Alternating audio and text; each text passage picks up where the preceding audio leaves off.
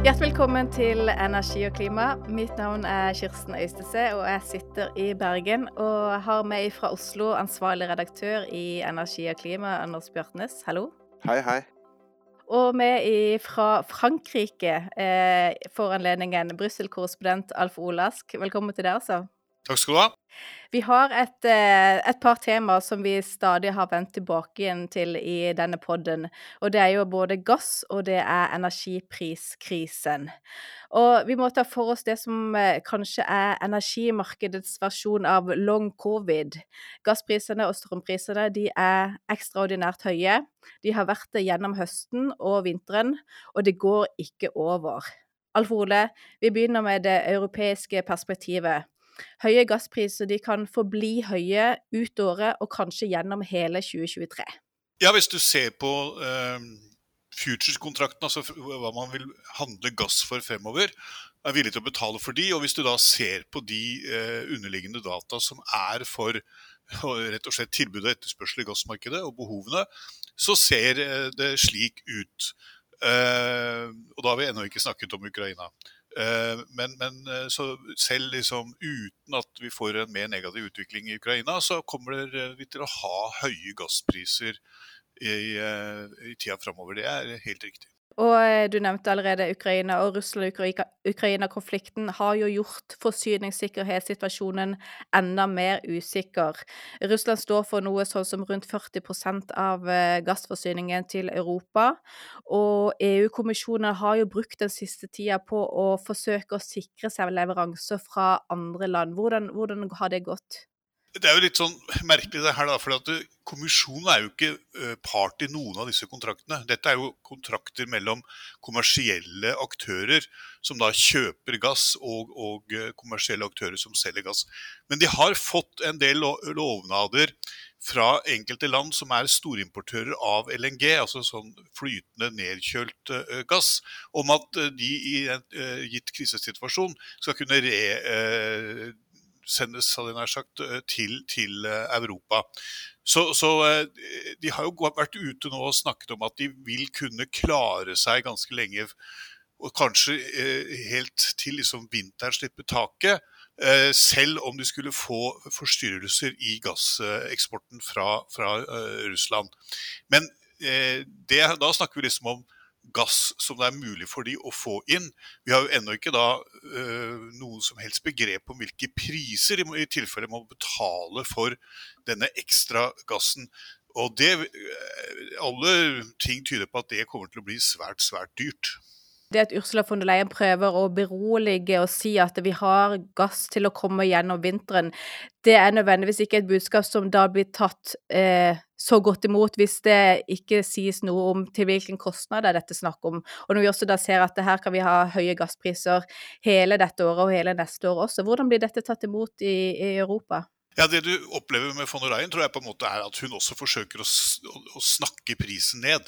Ved å, å, å, forsøke å berolige, slik at man ikke skulle få en situasjon eh, og litt panikk i markedet som ville presse eh, gassprisen enda høyere opp. Nei, det er jo klart at i flere land i EU så er man sterkt bekymret for dette. Og det finnes jo land som f.eks. Tsjekkia eh, og, og, noen til, som, som, jo er helt avhengig av import av gass fra Russland. Det har jo 100 eh, av gassen sin. Er, jeg tror det er eh, en åtte-ti EU-land som har en høyere andel import fra Russland enn det som er snittet for, for EU, som nå ligger på 35-40% Og blant de landene er jo et så stort land som Tyskland. Eh, sånn at uh, dette kommer jo til å slå ut, og har slått ut veldig kraftig i, i mange land. Men det slår jo selvfølgelig forskjellig ut, fordi at uh, andelen gass i energimiksen varierer jo kraftig fra EU-land til eh, EU-land. Situasjonen eh, mellom Russland og Ukraina er jo, eh, skaper stor usikkerhet, og som vi ser også påvirker energiprisene. Men hvis det nå blir, går til et ekstra skritt og det blir en, en, en konflikt, hva skjer da med hele situasjonen, med, med både gassleveranser og situasjonen i, i Europa, Anders? Eh, det, det, er jo veldig vanskelig å si ak akkurat hva som vil, vil, utspille seg, men vi kan jo se for oss, hvis det blir store krigshandlinger, så er det jo grunn til å tro det at vi vil få betydelige flyktningstrømmer, f.eks.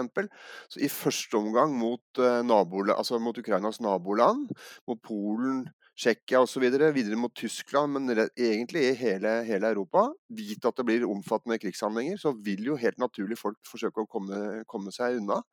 Eh, hva slags politisk respons som, som, blir på det, det vet vi jo heller ikke. Men, men jeg, jeg, føler at vi nå vi er på en måte i en situasjon nå der, der vi er nærmere en eh, altså alvorlige krigshandlinger i, eh, i, i Europa enn eh, jeg no, altså kan huske at vi har, har, har stått oppi. Så, så, og, og, og, veldig sånn uforutsigbare virkninger, både humanitært selvsagt, men òg politisk. Da.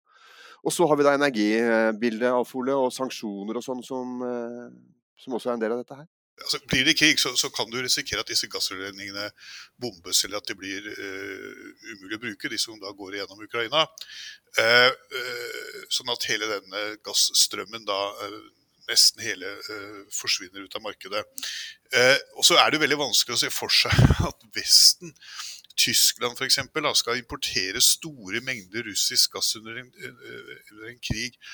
Samtidig som de advarer om at eh, dette kommer til å få store konsekvenser for, for, for Putin. Så skal man liksom da sitte i Vesten og kjøpe gassen hans og fylle opp krigskassa hans. For dette er jo en av de største inntektskildene de har.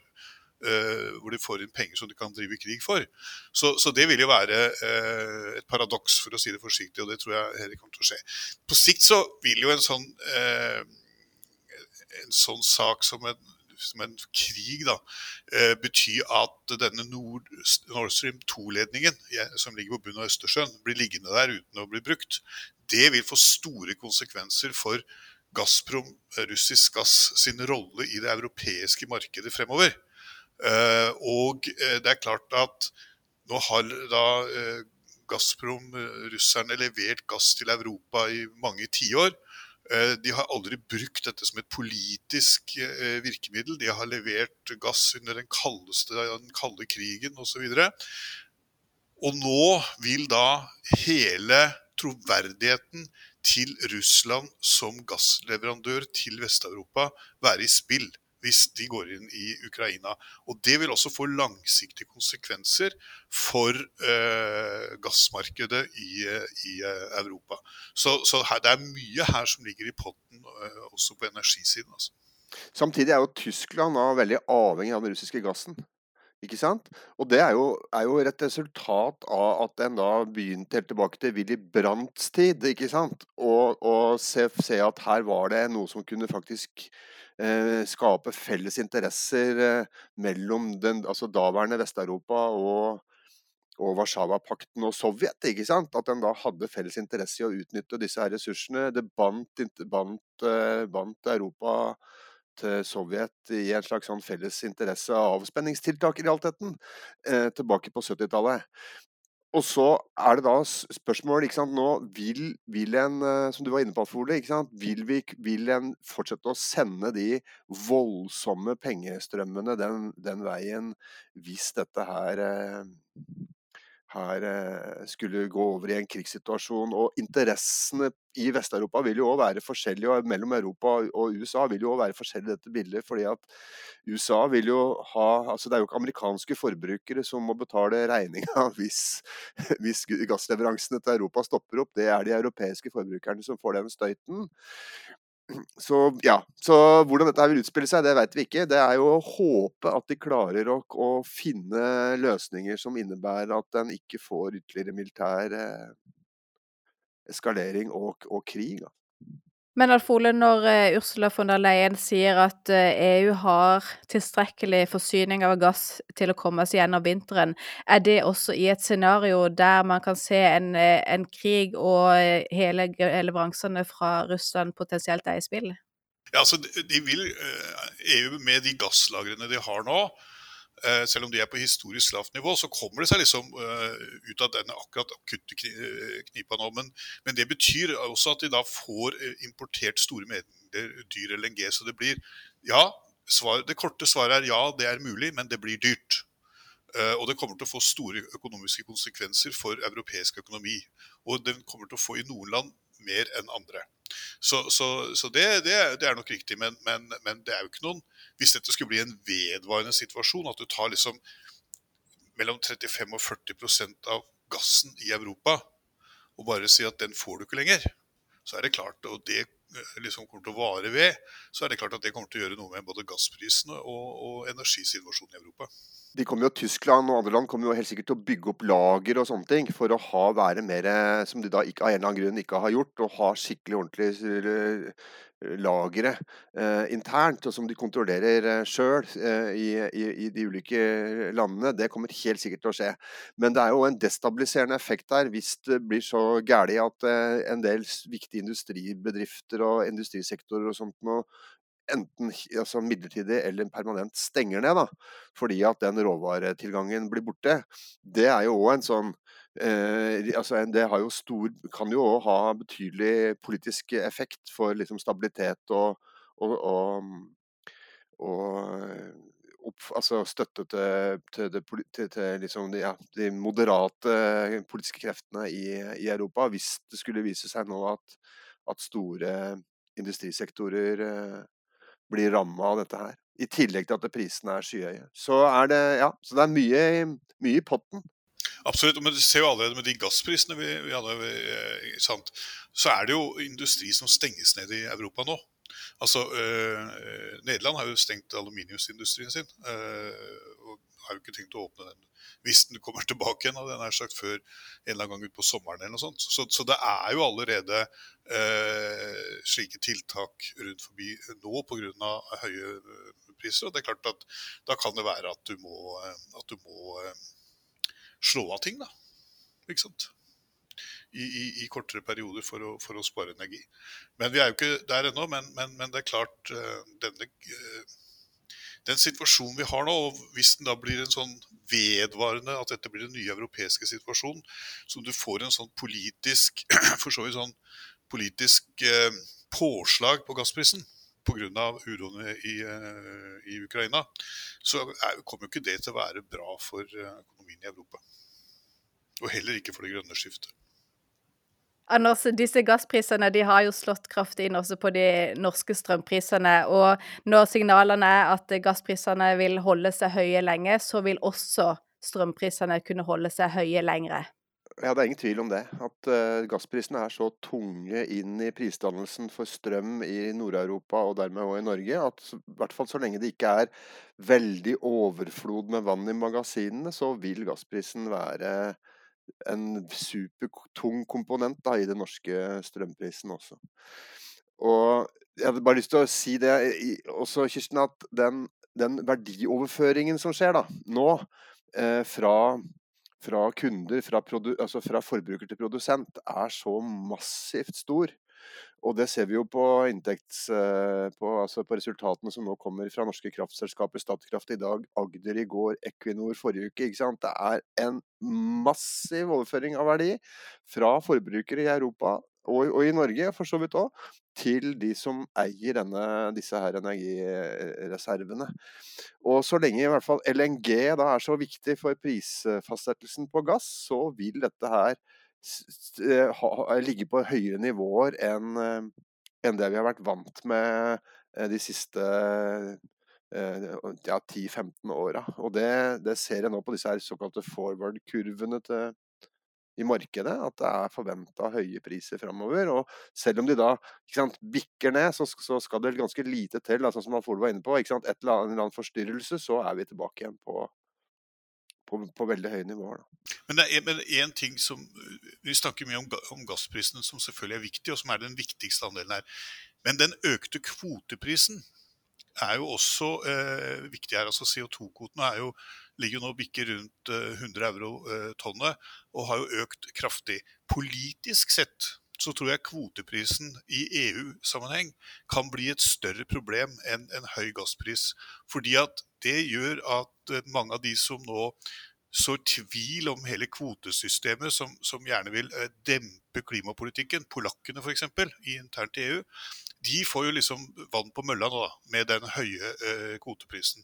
Så hvis den også blir liggende på, på dette nivået framover, så tror jeg liksom det vil bidra i enda større grad til en sånn debatt, og til, og til kanskje å undergrave noen av de målene som EU nå har satt seg.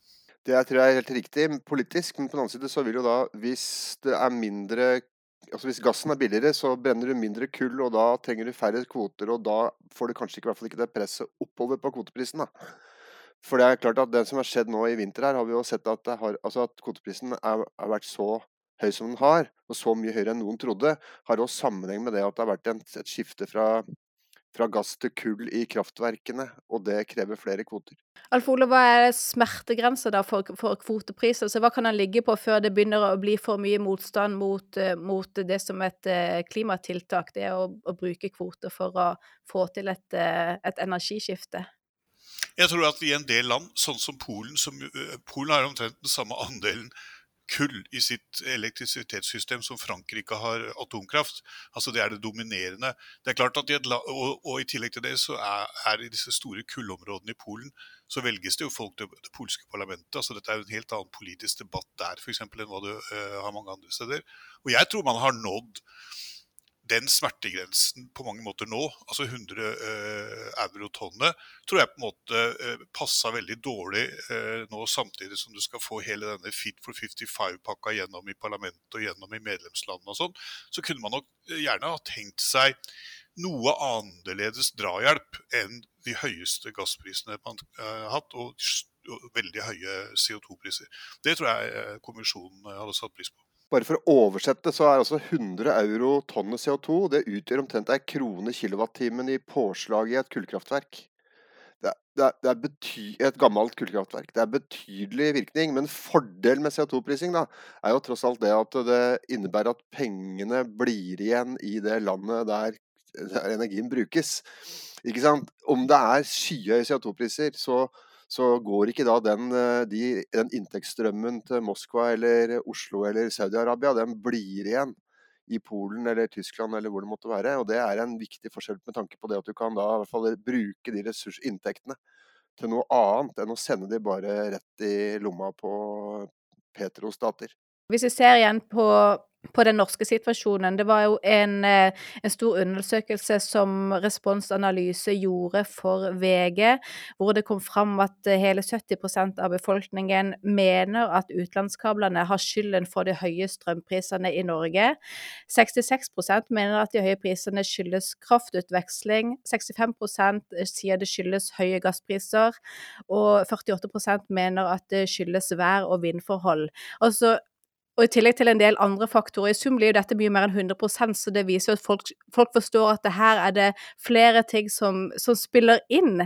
Eh, men, men, det gjør jo også at situasjonen er mer usikker. Vi, ja, vi vet at gassprisen som vi har sett, har, har, mye å si, men det er også mye mer usikkerhet i det norske markedet. Anders, hvordan, hvordan leser du situasjonen? Den undersøkelsen var interessant, for den viser jo det at, det er, at folk skjønner at det er veldig mange faktorer som spiller inn i dette bildet. Eh, det, og så har vi jo da den særegne situasjonen at det er så innmari store forskjeller mellom nord og sør. da. Som, som var forklaringen på det, liksom? At det er 15 øre i, i nord for Dovre, og så er det 1 krone og 50 sør for Dovre. Det er jo utrolig store forskjeller. Og, og, og, der da kraftselskaper i nord for Dovre altså ikke får inntjening nok til å dekke kostnadene ved sine siste investeringer, så, så renner penga inn i, i, i, altså i sør for Dovre. Så det er liksom en ubalanse som, eh, som, som, vi ser. Altså Politisk så tror jeg det at den, det er en eh, Det er sånn at det, det som egentlig virker, det virker bare på lang sikt. Enten det handler om å bygge nye kraftledninger eller ny kraftproduksjon, eller gjøre ting som på en måte virkelig har betydning, det har jo lange ledetider, stort sett. da. Mens den, den politiske responsen må være mer kortsiktig. Og det er jo en, åpenbart en mistillit til hele dette her systemet nå, blant, uh, veldig bredt blant folk flest og næringsliv, som det må responderes på kraftfullt. da. Og så er spørsmålet hvordan er det du gjør det, uten at du altså, lager eller gjør eh, sånne akutte politiske eh, handlinger som svekker eh, systemet og, og, og eh, altså hele kraftregimet over tid. Vi har jo nok en gang sett demonstrasjoner under slagordene 'nei til høye strømpriser', 'ja til politisk kontroll over krafta'. Hvor, hvordan har man håndtert situasjonen politisk?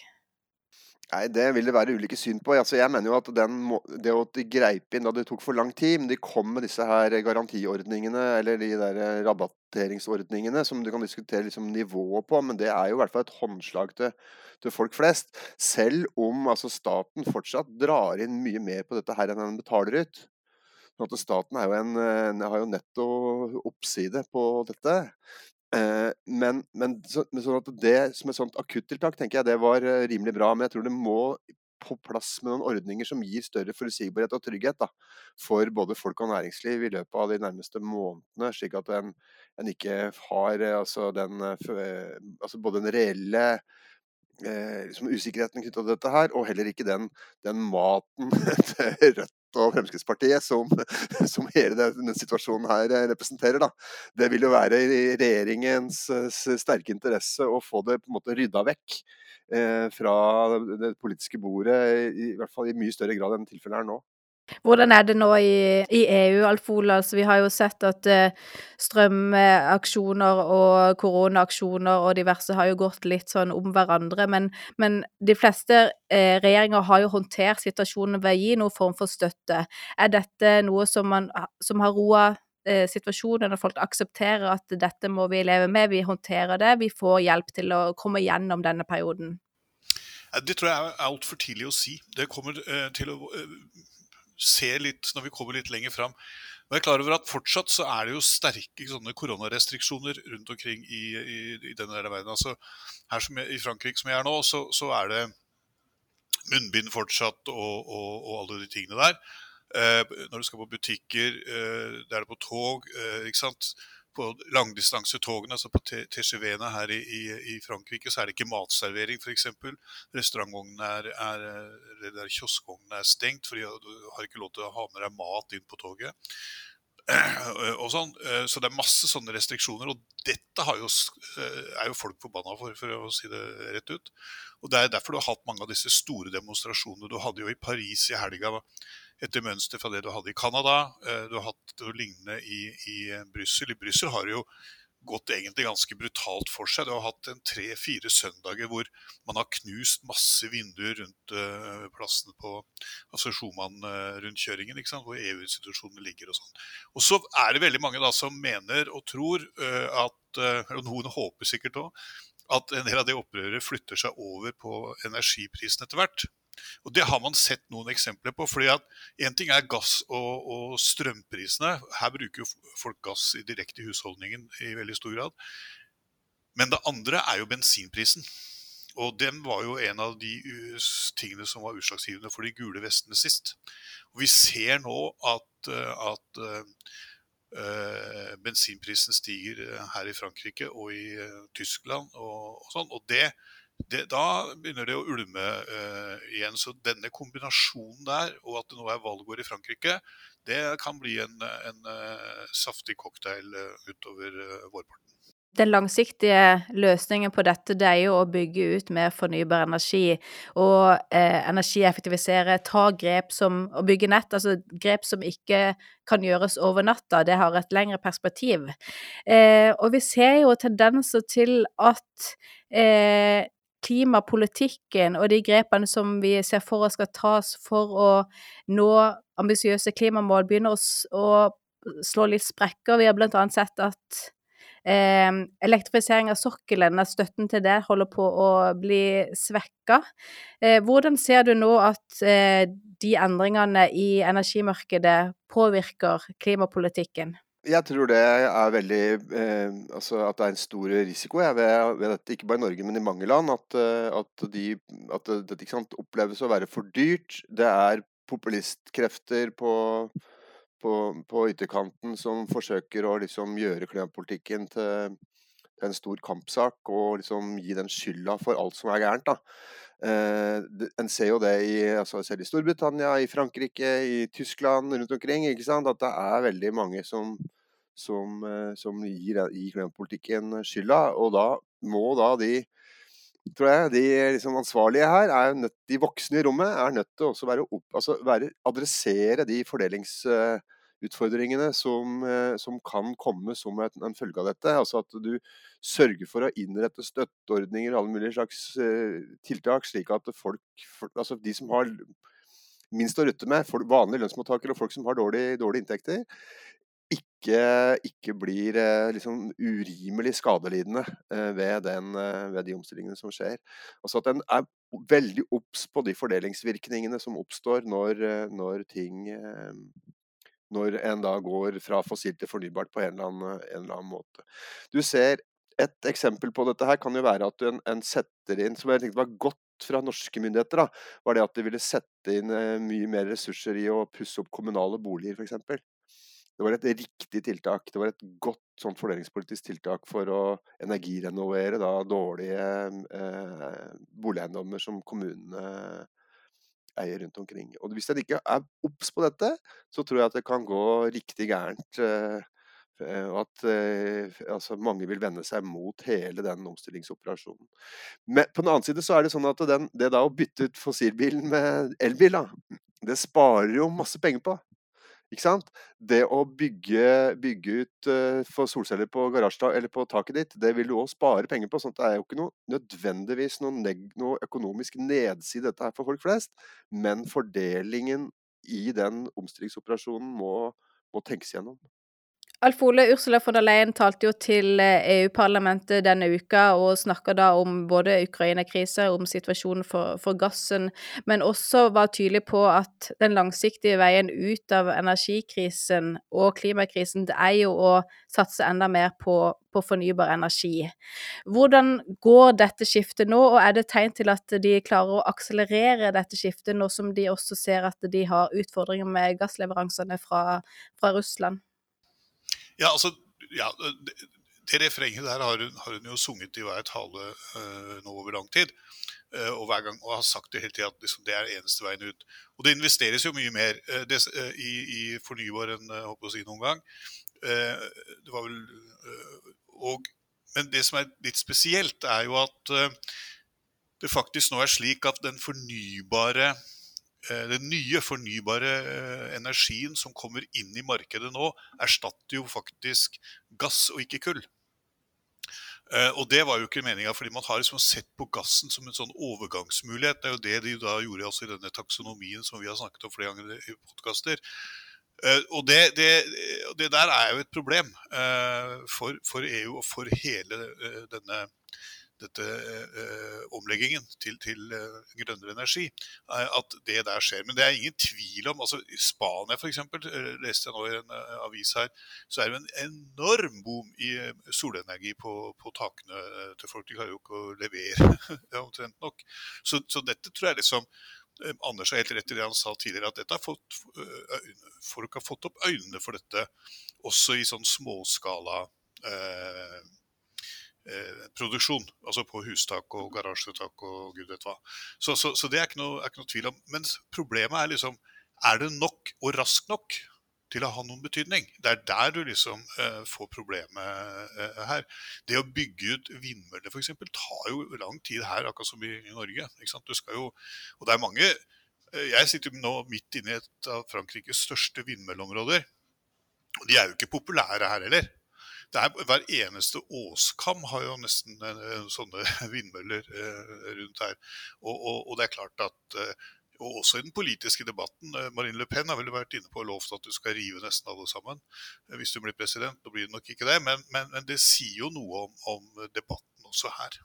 Og det er jo her eh, havvind kommer inn som, eh, som redningen for, eh, for, de store volumene. Men, men, heller ikke det kan jo levere raskt, Anders. Så her ser vi jo at både Norge og EU vil, vil slite med å få inn volumer fort hvis det er havvind som skal levere det. Ja, det tar ganske lang tid. altså Jeg tror de kan sikkert klemme ned disse saksbehandlingstidene og, og konsesjonsperioder og altså den tida det tar å få, få alt gjennom liksom det byråkratiske mølla og sånt nå, kan nok tas ned. Men det er jo samtidig heller ingen tvil om at det er si, reelle interesseavveininger og konflikter om arealbruken også til havs. Og så har vi, vi, har jo ikke, ikke, nevnt atomkraften med et navn, hadde jeg sagt.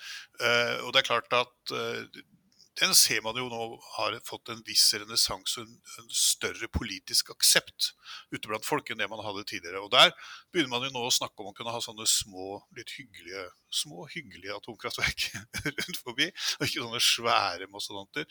Som da kan brukes i, i, i si, til spesielle ting. F.eks. lage hydrogen eller en del sånt. Men er det stort nok, og når kommer det inn i, i noe størrelse som vil gjøre en forskjell?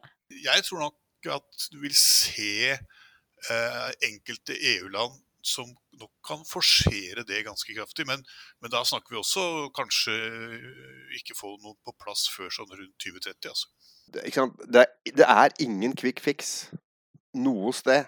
Det, det, er på en måte den eh, oppsummeringen av alt dette. Disse her storskala energiproduksjons Eh, teknologiene de tar lang tid, enten det er det ene eller det andre. Og Så kommer det da én ting inn som vi ikke har vært innom, men som jeg tror er viktig i forhold til alt dette, hele diskusjonen her, og det er på en måte en kost, altså inflasjonspress, kostnadsinflasjon, på mange områder. da som òg eh, vil være med på å prege det, det, det, politiske landskapet i mange land. Altså at du ser at, at her blir eh, Gjødsel blir dyrere, ikke sant. Det gir i sin tur mer kostbar mat. Eh, det er eh, eh, inflasjon mange, i mange råvaresektorer som driver prisene opp. da. Og, som, og dette er vanskelig å kontrollere og, og, og motvirke. Og, den eneste Altså, det er ingen fix på det heller. ikke sant? Enten så må du da ta ned etterspørselen etter en etter, et, et, et, en, en, råvare, eller så må det opp med noe nytt tilbud. Og dette er en, en, annen situasjon nå enn det vi har sett på mange mange år når det gjelder sånt underliggende inflasjonspress i økonomien. Noe er nok helt sikkert covid-relatert og vil gå over når det liksom kommer mer på stell. Andre ting kan være mer, eh, mer langsiktig. Eh, og hvordan det slår ut er veldig vanskelig å si, for det er så komplekse verdikjeder som involverer mange land og mange teknologier, at du kan få litt sånn rare utslag av, av økte råvarepriser i en eller annen eh, del av verden. Som plutselig kan slå inn eh, et helt annet sted i et marked du ikke hadde tenkt på at var utsatt. Det er du helt rett i, Anders. Du ser jo nå, EU jobber jo nå med en betydelig omlegging av landbrukspolitikken. Og en av virkningene av den kommer til å være at på enkelte eh, landbruksprodukter, så vil prisene gå dramatisk opp. Eh, Fordi man skal bruke mindre sprøytemidler og man skal drive et mer klimavennlig jordbruk. Eh, og det er klart at, eh, at, det kommer til å koste. Og dette må jo til siste slutt forbrukerne betale, uansett hvordan du snur og vender på det. Eh, og, eh, og det kommer jo ikke til å gjøre disse tingene mer populære. Nei, men En oppside her da, er jo det å tenke litt mer i retning av det at vi kan produsere eh, mer av det vi forbruker nærmere der vi bor. Altså en, en slags eh, sant, grønn, lokal eh, kapitalisme som innebærer at du har mer Altså at du, du bruker mer gras fra, fra eh, som er tilgjengelig, og andre råressurser som er tilgjengelig for den lokale matproduksjonen, og mindre soya fra Brasil. ikke sant? Det er jo òg en side av dette som innebærer at du flytter verdiskaping nærmere forbrukeren. Og, og det ligger mange sånne tegn, eller trender, i hele denne grønne omstillingen som peker i den retningen. Vi, vi, kjører ikke Vi må slutte å kjøre brøddeig gjennom Europa. Vi kan kjøre korn og mjøl, ikke sant? men vi frakter ikke brøddeig rundt som blir ferdige brød hos supermarkedene. Vi, vi sørger, den lokale bakeren tar hånd om brødbakinga basert på, på, på korn som er, er eh, frakta på en eh, fornuftig måte rundt omkring. Det er mange sånne eksempler. Eh, men dyrere? Sannsynligvis. Men ikke sant? Det, du sier å frakte er jo sånn, er jo ganske morsomt, fordi det er et av disse Nå husker jeg ikke hvem det er, så jeg skal være litt forsiktig, men det er en av disse sånn kaffebarkjedene i Oslo som selger croissanter til godt over 50-lappen. Den deigen kommer ferdig bretta eh, fra eh, Nederland, hvis jeg ikke husker feil, og fraktes da opp. Og da betaler altså da norske forbrukere over 50 kroner for en sånn croissant. Når jeg går på min lokale baker her, hvor de står og lager det, den samme croissanten, og min far som var baker, sa at smørdeigen i croissanten er det enkleste. Det er, det er det du begynner med som bakelærling. Det er enklere enn gjærdeig. Og så her koster den da ni kroner. Den har rett nok gått opp 15% på kort tid, så de eldre damene her er rasende i landsbyen fordi at uh, croissanten har gått opp. Men, men så, så, det gir et perspektiv, altså. Uh, og det er jo samme varen, ikke sant.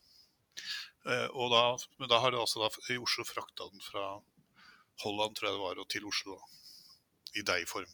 Så hvis det er ett lyspunkt i dette, så er det at vi kan kanskje kutte litt ned på noen verdikjeder som er tullete lange? Ja, eller at vi kan få en croissant til halve prisen som er, er, mye bedre. det vet jeg ikke om jeg tør å tro på.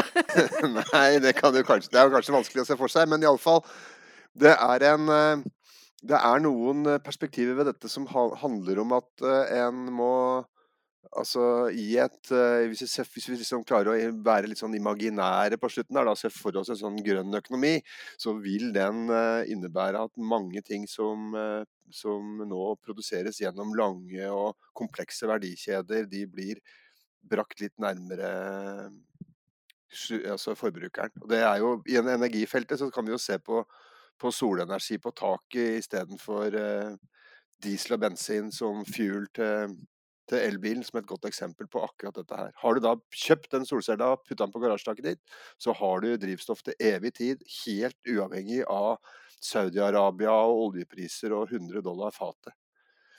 Eh, og Det er et perspektiv også ved denne omstillinga som jeg tror kommer til å komme mer til syne framover. Eh, eh, når flere får opp øynene for at dette er fornuftig og smart. Da tror vi går til en avrunding. Altså, for, for, å summere opp, vi har vært gjennom en høst og en vinter med høye energipriser. De siste prognosene er dystre for alle andre enn de som produserer og selger og tjener penger på gass. Det er ingen quick fix, men kanskje vi på sikt får mer fornuftige verdikjeder ut av, av det grønne skiftet. Har dere noe å korrigere eller legge til, Anders og Alf Ole? Nei, bortsett fra at jeg ønsker meg rimeligere croissanter, da. At det blir et målbart resultat. Det tror jeg ikke du er, altså, De som også baker de croissantene, også i Oslo, de skal jo ha ordentlig tarifflønn, du må huske på det. Og da er det ikke sikkert at det blir noe blir eh, franske priser. Jeg er redd for det. Men bra. Da sier jeg tusen takk for praten, Alf Ole og Anders. Takk skal du ha. Takk skal du ha. Takk også til eh, du som lytter på. Abonner gjerne på Energi og klima i din foretrukne podkastapplikasjon. Takk for i dag.